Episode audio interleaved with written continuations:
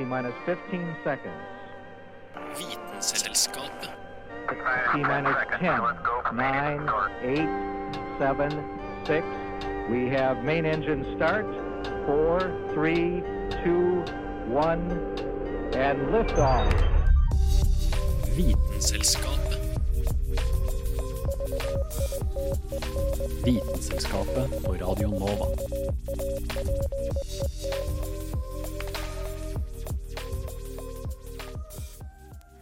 For du hører på Vitenselskapet i Radio Nova. Mitt navn er Ida Katrine Vassbotn, og til høyre for meg så sitter Kristin Grydland. Og til venstre Aurora Thommessen. Og i dag så er temaet for dagens sending er, og da tar vi i et parentes, uspiselig. Og det er jo litt artig, Kristin, fordi at hvorfor er det egentlig Hvorfor kaller vi sendinga uspiselig? Er det ting vi ikke kan ete? Nei, det er jo Det skal handle om ting som vi kan spise, og spiser. eh, Og noen ganger kanskje ikke burde spise. Ja. Ja. La oss sette i gang, så får vi høre hva det egentlig handler om i dag. Hæla i taket med Vitenselskapet.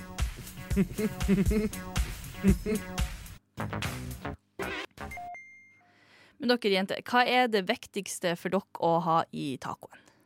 Avokado tror jeg er noe av det viktigste Ja, for meg. det er jeg enig i. Avokado. Det er litt artig dere sier. Jeg spiser ikke avokado, for jeg tåler det ikke. For, for meg er det Er du allergisk mot Jeg får skikkelig avokado? vondt i magen av avokado. Wow. Men eh, for at nå skal vi videre til en sak som egentlig ikke handler om taco, men det handler om det ifølge meg er kanskje den viktigste ingrediensen i taco, nemlig mais.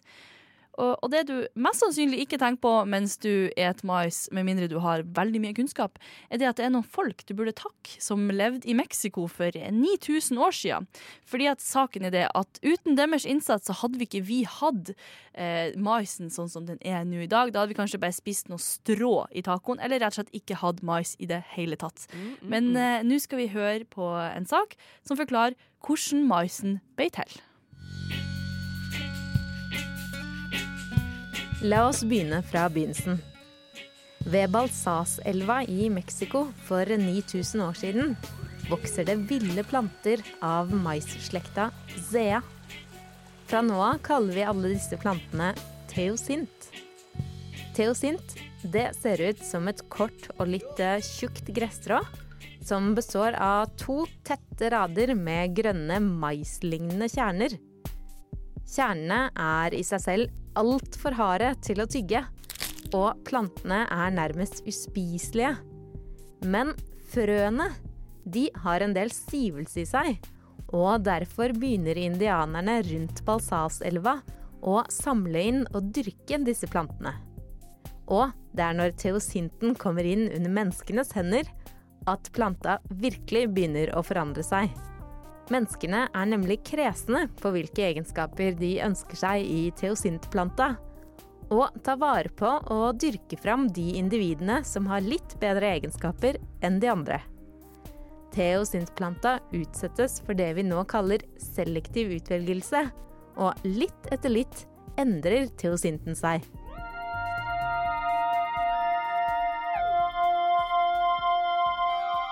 Fruktkjernene som egentlig inneholder masse silisiumdioksid og lignin, blir mykere, sånn at menneskene faktisk klarer å tygge kjernene uten å knekke tennene. Antall rader med kjerner øker fra 2 til 20 stykk, og de lange bladene blir kortere og pakker seg tett rundt kolben, sånn at fugler og insekter ikke kommer til. Og sist, men ikke minst, Kjernene faller ikke lenger på bakken av seg selv. Takket være at fruktkjernene i teosinten ikke fordøyes, overlever frøene inni kjernen når kjernen spises av et dyr. Og det betyr at frøet kan bli til en plante på et helt nytt sted når kjernene bæsjes ut av dyret. Når teosintplanta nå er endra sånn at kjernene henger fast på planta, betyr det at det er menneskene og ikke naturen som bestemmer hvordan planta skal spre seg. Det vi har foran oss nå, er altså ikke lenger et steinhardt gressrå, men fiks ferdig tacomais. Eller kanskje ikke fiks ferdig, da. Den maisen vi spiser i dag, er ikke bare et resultat av god gammel selektiv utvelgelse, men også av moderne planteforedlingsteknikker. Først Darwin, og så en forsker ved navn Schull på begynnelsen av 1900-tallet, fant ut at man kunne lage større og sterkere maistyper ved såkalt hybridisering. Hybridisering er enkelt sagt at man velger ut to maisindivider med ønskede egenskaper, såkalte foreldre, og selvpollinerer disse i et lite lass med generasjoner, før man krysspollinerer, altså krysser de to sluttgenerasjonene. Barnet man sitter igjen med, vil forhåpentligvis ha fått de beste egenskapene fra både mor og far. Men uansett hvilke egenskaper maisbabyen har, og hvordan den ser ut, den har lite til felles med opphavet sitt, som vokste ved Balsas elvas bredder for 9000 år siden. Nå til dags så trenger man jo egentlig ikke å gro generasjoner på generasjoner med planter for å dyrke fram de ønska egenskapene du vil ha.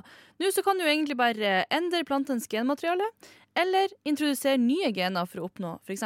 hvis du vil ha raskere vekst, eller gjør de da skadedyrresistent.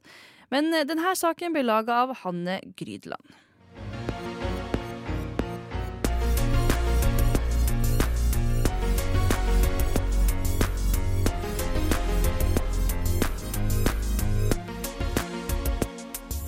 Vitenselskapet på Radio Nova. Ja, og nå skal Eh, er du klar? Nei, det var ikke det det skulle handle Nei, guri. Tekniske problemer her Masse i dag. tekniske problemer her. Eh, men nå skal det handle om noe bær som eh, vi har ikke med oss i studio her. Men Kristin, kan du forklare hva det er slags eh, bær du vil prate om? Det? Ja, altså De kalles for mirakelbær, og bare det er jo innmari lovende. Vet du hva, Det høres litt ut som sånn Disney-eventyr hvor det er sånn ta dette bæret, og du kommer til å leve for evig, Ja. men så dør du.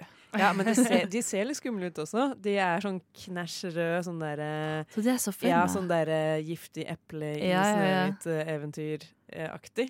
Uh, men de er uh, ikke giftige. Eller eh, de er Ja, de er ikke giftige. De er Nei, ikke ok. giftige. Sånn. Nei, eh, men Hvis du skal lure noen La oss si det sånn. de er ikke giftige, men de får, har en litt sånn rar effekt. Som hvis du på en måte ikke er forberedt på det, kan du bli litt overraska. For det de nemlig gjør, er å gjøre det som smaker surt, om til å smake søtt. Nei. Jo, Wow. det de da gjør, er at de reagerer Altså på tunga så har man jo eh, sånne søtereseptorer. Mm. Eh, og det de gjør, de bærene, er at de inneholder et stoff som heter mirakulin. Nei. jo, det, det heter det. Okay. Men det høres jo veldig sånn reklameaktig ut. Ja, det gjør det. Eh, det reagerer med disse søtreseptorene, sånn at når det kommer noe surt på, noe syrlig eller surt, på tunga, så sender den de søtreseptorene masse sånne signaler til hjernen om at nå er det ting som er søtt. Wow. Så hvis jeg skal imponere noen skikkelig, så kan jeg spise disse bærene og så bare gnafse i meg en hel sitron eller lime etterpå? Ja, det kan du. Eh, og, Men det er jo noen som faktisk gjør det for snacks også, så jeg vet ikke hvor imponerende det er. Nei, er men eh, man kan jo velge hva som helst av ting som er skikkelig surt. Og eh, nå er det sånn at vi har ikke noen eh, sånne mirakelbær her, men jeg har faktisk prøvd det før. Og eh, Vitenskapet har hatt en livesending for noen år siden hvor vi fikk en publikummer eh, til å eh, teste det. Så jeg tenkte vi skulle høre litt på det. Det er en som het Øystein, som da ble plukka ut, eller han meldte seg frivillig, da. Eh, og det han da gjorde, var å ta Det var ikke selve bæret, men det var sånn et, en eh, pille. eh, Som var på en måte ekst, okay. ekstrakta av denne mirakulinen. Ja. Eh, som man da må lig la ligge på tunga. Eh, til tunga på en måte Smelter den på tunga da, eller? Ja, den blir på en måte oppløst. Ja, OK. Sånn at da får den effekt. Eh, men vi kan jo høre at han skal smake på en sitron. Etter at han har tatt den her eh, mirakel... Mirakelbær. Ja. Eh, er du klar til å smake på sitron? Ja, det er jeg. Du tok hele i munnen med skall og alt. Hvordan ble det noe søtt? Den ble ikke søt, men eh, den smakte ikke som sitronskall. Nei. Sånn skal ikke sitron smake. Men du tar en til. Det er imponerende. Nei, det er litt Det er litt bittert, men så er det Det er ikke søtt her. Det er bare feil. Det er bare feil. Ja, eh, det hadde jo effekt, men jeg tror vi ga han sånn fem minutter på seg. Egentlig så skal jo denne effekten Altså, du skal oppløse hele tabletten, da. Ja, okay. Eh, Så han- er ikke sikkert at det var så god effekt som det kunne ha vært. Men hvor er det man får tak i disse mirakelbærene, da? Det kan du kjøpe der hvor du kjøper alle morsomme ting. På internettet. Men gror det ute i Norge? Det gjør det ikke. Nei. Det er en litt sånn eh, tropisk varmeplante. Du får det på harrypotter.no store. det er sikkert. Eh, men det som var, at vi, eh, vi ga oss ikke med å la han smake på sitron. Eh, fordi at eh, vi ville jo selvfølgelig teste om det virkelig eh, hjalp. Eh, og da tok vi og testa det med eddik. Vi kan høre hvordan det gikk. Eh, hvordan var det?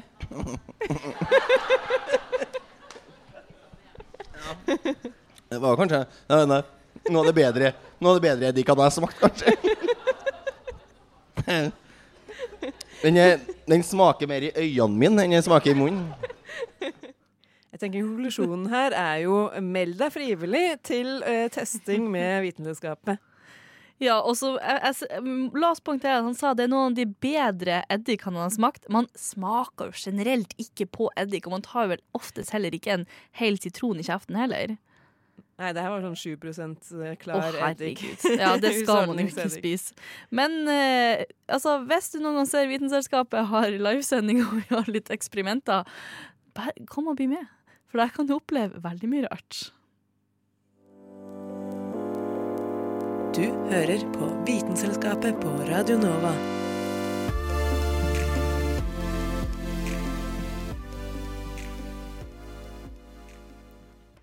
Altså Her i Norge, eller i vår kultur, så er det jo ganske vanlig å drikke når du er på fest. Du drikker alkohol. Og så er det jo ofte, altså Du kjenner jo noen reaksjoner når du drikker alkohol. Jeg i hvert fall kjenner jeg for eksempel blir varm på ørene. Og noen de får jo eh, Noen kan jo også bli helt røde i ansiktet og sånn.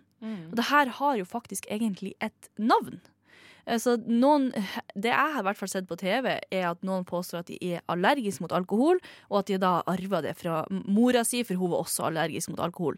Men nå skal vi altså høre, kan du være allergisk mot alkohol, og er det vanlig eller er det farlig når du da f.eks. blir rød i trynet av den alkoholen? Hei. Jeg har lest og hørt mange ganger at det ikke er mulig å være allergisk mot alkohol. Men jeg er 110% sikker på at jeg er allergisk mot alkohol.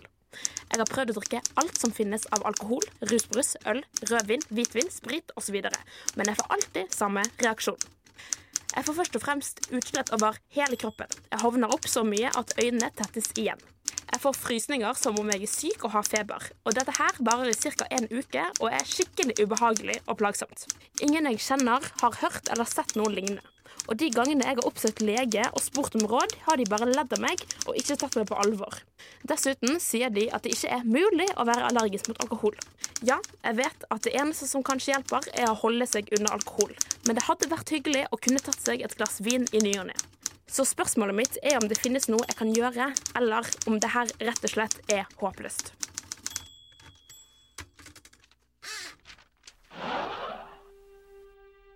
Selv om det her høres jo helt forferdelig ut å ha disse symptomene, så går det ikke an å være allergisk mot alkohol.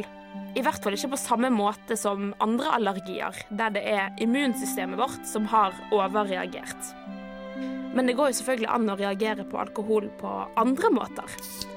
Det er nemlig noe som heter Asian flush syndrome, som minner mye om symptomene fra starten. Man begynner å rødme, pulsen stiger, og man kan føle seg andpusten etter at man har inntatt alkohol. Grunnen for at det heter Asian flush syndrome, er bare fordi det er flest asiatere som har det. Faktisk ca. 20-33% av de. Men hva er årsaken til dette syndromet?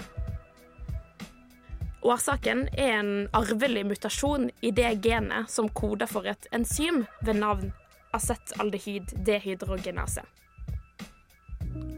Et enzym er en slags katalysator, noe som betyr at den øker farten på en kjemisk reaksjon. De aller fleste reaksjoner ville skjedd veldig langsomt uten en sånn katalysator. Og det er dette som skjer med de som har dette syndromet. Nedbrytningen av alkoholen skjer veldig sakte. Når du drikker alkohol, og den ankommer leveren din, vil det først bli brutt ned til et ganske giftig stoff som heter acetaldehyd. Dette blir videre brutt ned til et ufarlig stoff som heter acetat, som også er kjent som eddiksyre. Det er i denne fasen problemet oppstår for de som ikke har et fungerende enzym. For alkoholen i seg selv er ikke så giftig, men acetaldehyd er, selv i veldig små mengder. For de som har da et defekt enzym, vil nedbrytningen av dette giftige stoffet skje veldig langsomt, og man får en fysisk reaksjon som det å bli veldig rød i ansiktet. Det er dessverre ingenting annet enn å ikke drikke alkohol som hjelper mot dette. Og selv om Asian flush kan være veldig ubehagelig, så er det ikke direkte farlig. Det er egentlig bare et signal om at alkoholen er skadelig for dem det gjelder. Så altså Asian flush, det gjør at du blir rød i trynet, og det er da en reaksjon i kroppen. Og det finnes jo også noen tabletter som gjør at man eh, får litt av den samme reaksjonen. Hva er det det heter for noe, Aurora? Jo, det heter Antabus, eh, og det er et medikament eh, for alkoholikere, egentlig. Som så man kan ta da én til to ganger i uka. Ja. Nei, en, enten én hver dag eller en annenhver dag. Ja. for at kroppen din ikke skal tåle alkohol. Ja, hva skjer Eh, med kroppen? For hva, hva menes med at kroppen ikke skal tåle alkohol? Hva er det slags reaksjoner kroppen får da? Jo, det som er, er at vi har eh, et enzym i kroppen som heter ALDH, som hjelper oss med å bryte ned al alkoholen. Da. Det hjelper oss å bryte ned det som heter acetalaldehyd til acetat. Så for å bli liksom kvitt dette alkoholgiftstoffet, så har vi det enzymet som gjør det. Men hvis du da tar disse tablettene, så Antabussen. antabussen, Mhm. så stopper den reaksjonen av nedbrytning av alkohol. Så det gjør at når du da drikker alkohol, så tar det bare 10-15 minutter før du får en voldsomt dårlig opplevelse. Du blir rød i fjeset, du blir kvalm, du får hjertebank og hodepine og egentlig bare generelt veldig stort ubehag, da. Da tror jeg kanskje at jeg har tatt antibuss, eh, i hvert fall dagen derpå, så føles det sånn. Ja, det er kanskje bare en stor hangover på etter ti minutter etter eh, inntatt alkohol. Det høres Eh, litt ut som samme reaksjon, også bare i ekstrem form. Begynner man å spy også, eller? Nei, det står bare at man blir kvalm, Mm. men det kan godt være at man begynner å spy. Det burde jo egentlig, Jeg ville tenkt det at det skulle vært et sånt brekningsmiddel for å få alkoholen ut av kroppen. Men jeg tenker at det er jo en større straff å bli kvalm og ikke få til å spy. Ja, det er sant. På en måte. Men for det er jo det det er. Da. Dette er jo eh, medisin som skal på en måte straffe deg for Ja. å drikke. Eh, og det varer Det er i kroppen din i, i tre dager etter forrige tablett. Så hvis du drikker to dager etter forrige gang, så er det fortsatt igjen, da. I Og da blir blir din. du like dårlig, altså. Uh, ja, og Ja. det varer i ca. en halvtime etter at uh, det har begynt. Men man må jo være ganske desperat da, for å utsette seg selv for den kuren her. Ja, absolutt. Uh, og så har jeg lest en litt fiffig historie. Uh, er ikke, det er jo en tragisk historie, da. Men, Ja. uh, men for det er noen som forskere som har funnet ut at antibus, antabus kanskje hjelper mot kreft. Og en av de måte, situasjonene som førte til at de begynte å forske på dette, var at det var en kvinne på 36 år som ble operert for brystkreft i 1956. Okay. Men kreften spredde seg eh, veldig fort, og hun fikk stråle- og hormonbehandling for denne kreften. Og det hjalp litt, men hun ble så deprimert mens hun gikk på strålebehandling. At hun begynte eh, å drikke? At hun begynte å drikke, Og drakk mye. Så til slutt så sa bare legen at vi kan ikke behandle deg lenger når du skal, altså, hvis du fortsetter å drikke så mye. Eh, men så ble hun satt på antabus, og gikk på det eh, ganske lenge. Og mot alle odds så ble hun bedre, og hun levde da etter det her i ti år før hun døde. Og da døde hun fra et fall ut av et vindu i fjerde etasje. Ja, ok. Så legene fant da veldig høy promille i blodet hennes, men de oppdaget eh, at svulstene var helt borte. Og at hun hadde kurert seg selv med antabus. Men det kan man jo ikke vite. Det høres ikke ut som det har vært så mye forskning på det nå. Nei, ja Det virket sånn i resten av artikkelen at det var ganske mye forskning på det, men jeg forsto ikke alt som var der. Men det her var liksom utgangspunktet til at de begynte å forske på det. Så kanskje. Men det redda i hvert fall livet hennes på ett vis, eh, fordi at hun klarte jo da å Eller for at hun ble så dårlig. Men hun, jeg skjønner ikke helt, hvis hun døde at hun datt ut av et vindu og hadde alkohol i kroppen, så har hun jo klart å levd med antabus, eller så har hun sluttet å ta det. da. Ja, men ja. antabussen var jo tydeligvis for å redde henne mot eh, kreften, og ikke Nei. mot alkoholismen. Det var Ja, det var jo tydeligvis det Men- som klarte å gjøre det, i hvert Men det er jo ganske utrolig at Fordi legene ga henne i utgangspunktet bare tre uker å leve når de, når de sluttet med cellegiften. Og det at hun da levde i ti år etterpå og bare gikk på antabus, er jo ganske sykt, og at da svulstene ble borte. Men jeg syns også det er ganske stort at de som har et alkoholproblem, at de istedenfor at de klarer å slutte å drikke, så klarer de da å ta antabus. Altså du må jo faktisk fysisk ta tablettene sjøl og bestemme deg for at jeg skal bli dårlig. Jeg føler at det er nesten like stor, altså stor ting som å slutte å drikke, på en måte. For du vet at du kommer til å ikke klare å drikke når du tar antabusen. Ja. Man Hvordan kommer kanskje på et uh, visst punkt hvor uh, alkoholisme, eller alkoholen, er den store, store demonen, og du gjør Mm. hva som helst for å unngå det. da. Men jeg har også hørt at noen har fått operert inn noen sånne implantater eller noe sånt i kroppen som utløser denne antabusen istedenfor at du tar tablettene. Og det er vel kanskje Oi. hvis det har gått skikkelig langt, at du ikke klarer engang å få tatt antabusen sjøl. Ja, tenk det.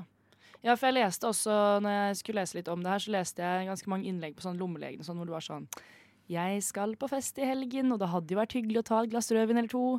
Hvor lenge sitter Antabussen i? Wow. Eh, ja, ja, det, var, det var flere Det var ganske lange diskusjoner med antabus og alkoholdrikking, så jeg tror det er nok ikke Det er nok ikke liksom løsning A på, på å ikke være alkoholiker, men vi kan jo håpe at det er en hjelp på veien for de fleste, da. Ja, det er en siste utvei, kan vi si. Eller en god venn på veien. En god venn på veien. Vitenselskapet. Vitenselskap. Vitenselskapet. Vitenselskapet. Vitenselskapet.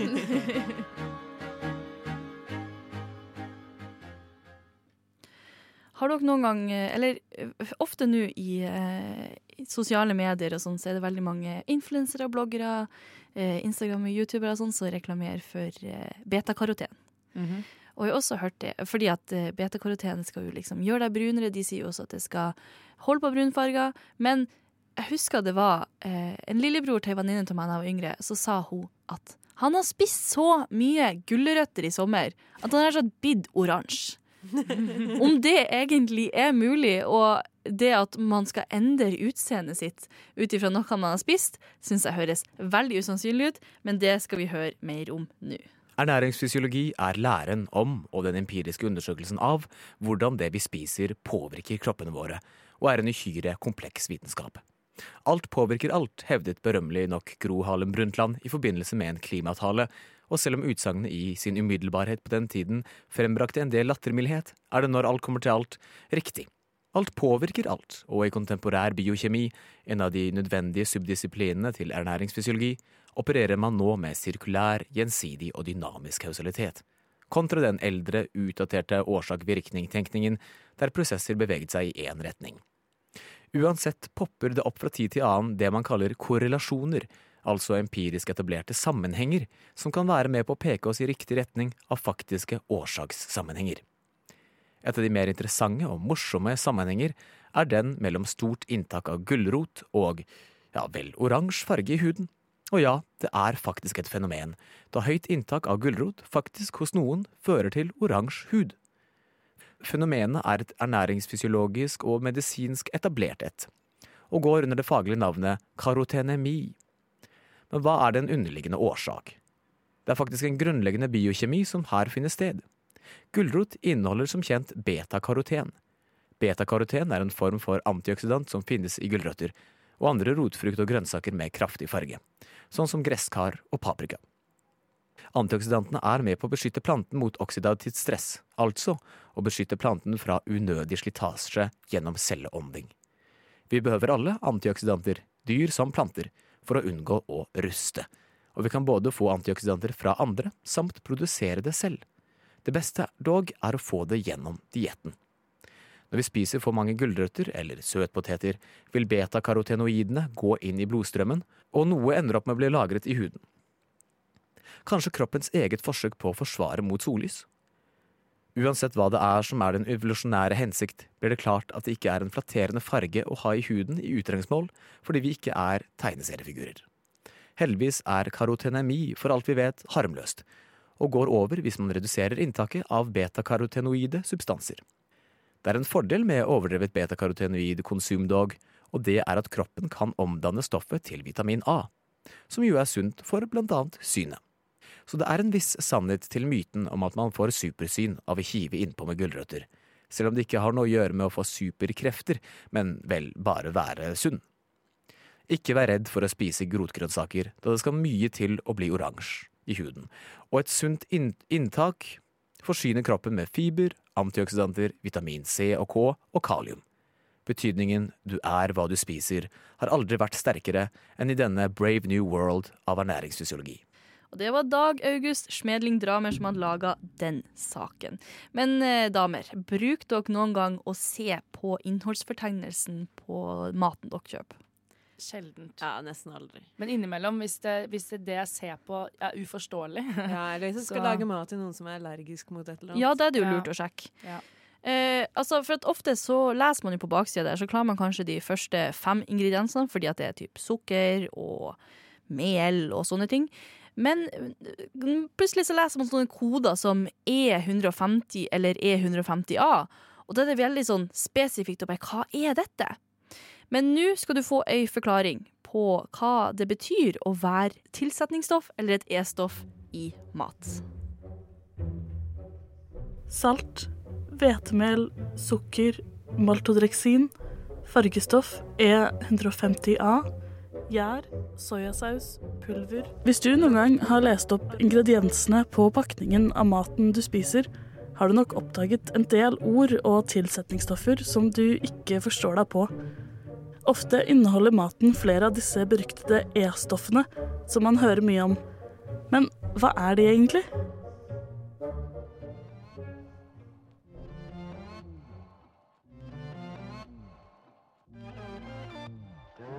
Tilsetningsstoffer er en fellesbetegnelse på flere forskjellige stoffer som tilsettes ved produksjon av mat og drikkevarer for å gi maten spesielle egenskaper som f.eks.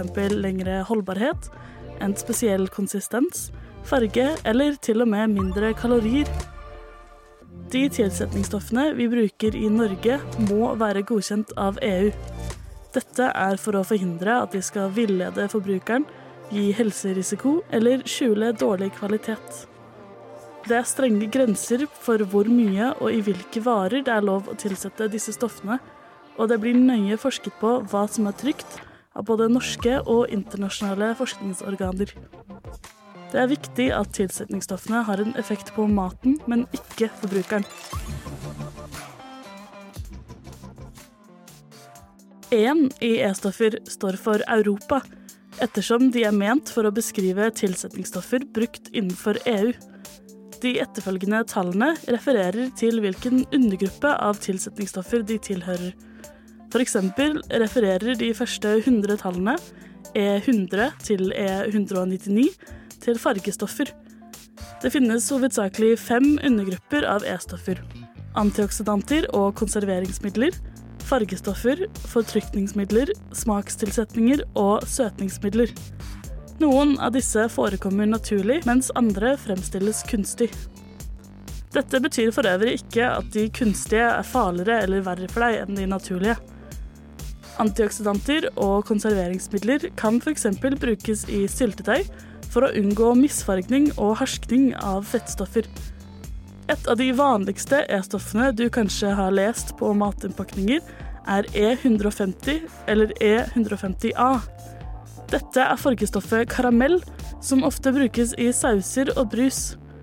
E150 er bare navnet på sukkerkulør, en helt vanlig ingrediens når man lager saus hjemme. Selv om E-stoffer er helt trygg, selv om E-stoffer er helt trygge å innta, har en britisk studie vist at noen E-stoffer, sånn som fargestoffene E110, E104, E122, E129, E102 og E124, sa jeg 122, samme det, alle de her, kan ha en sammenheng med negativ oppførsel til unger med ADHD. Vitenselskapet. Og det var alt vi hadde her i dag i Vitenselskapet i denne her spiselige sendinga. Som da viser jo det at eh, du, det er trygt å spise både E-stoffer, og du kan også bli oransje av å spise ei gulrot. Kanskje ikke bare én. Vi må takke folk for at de har hørt på. Jeg heter Ida Katrine Vassbotn. Aurora Thomsen heter jeg. Kristin Grydland. Og så håper vi at dere hører på oss neste uke også, for da er vi tilbake med mer interessante fakta. Ha det godt! Ha det! Selskapet.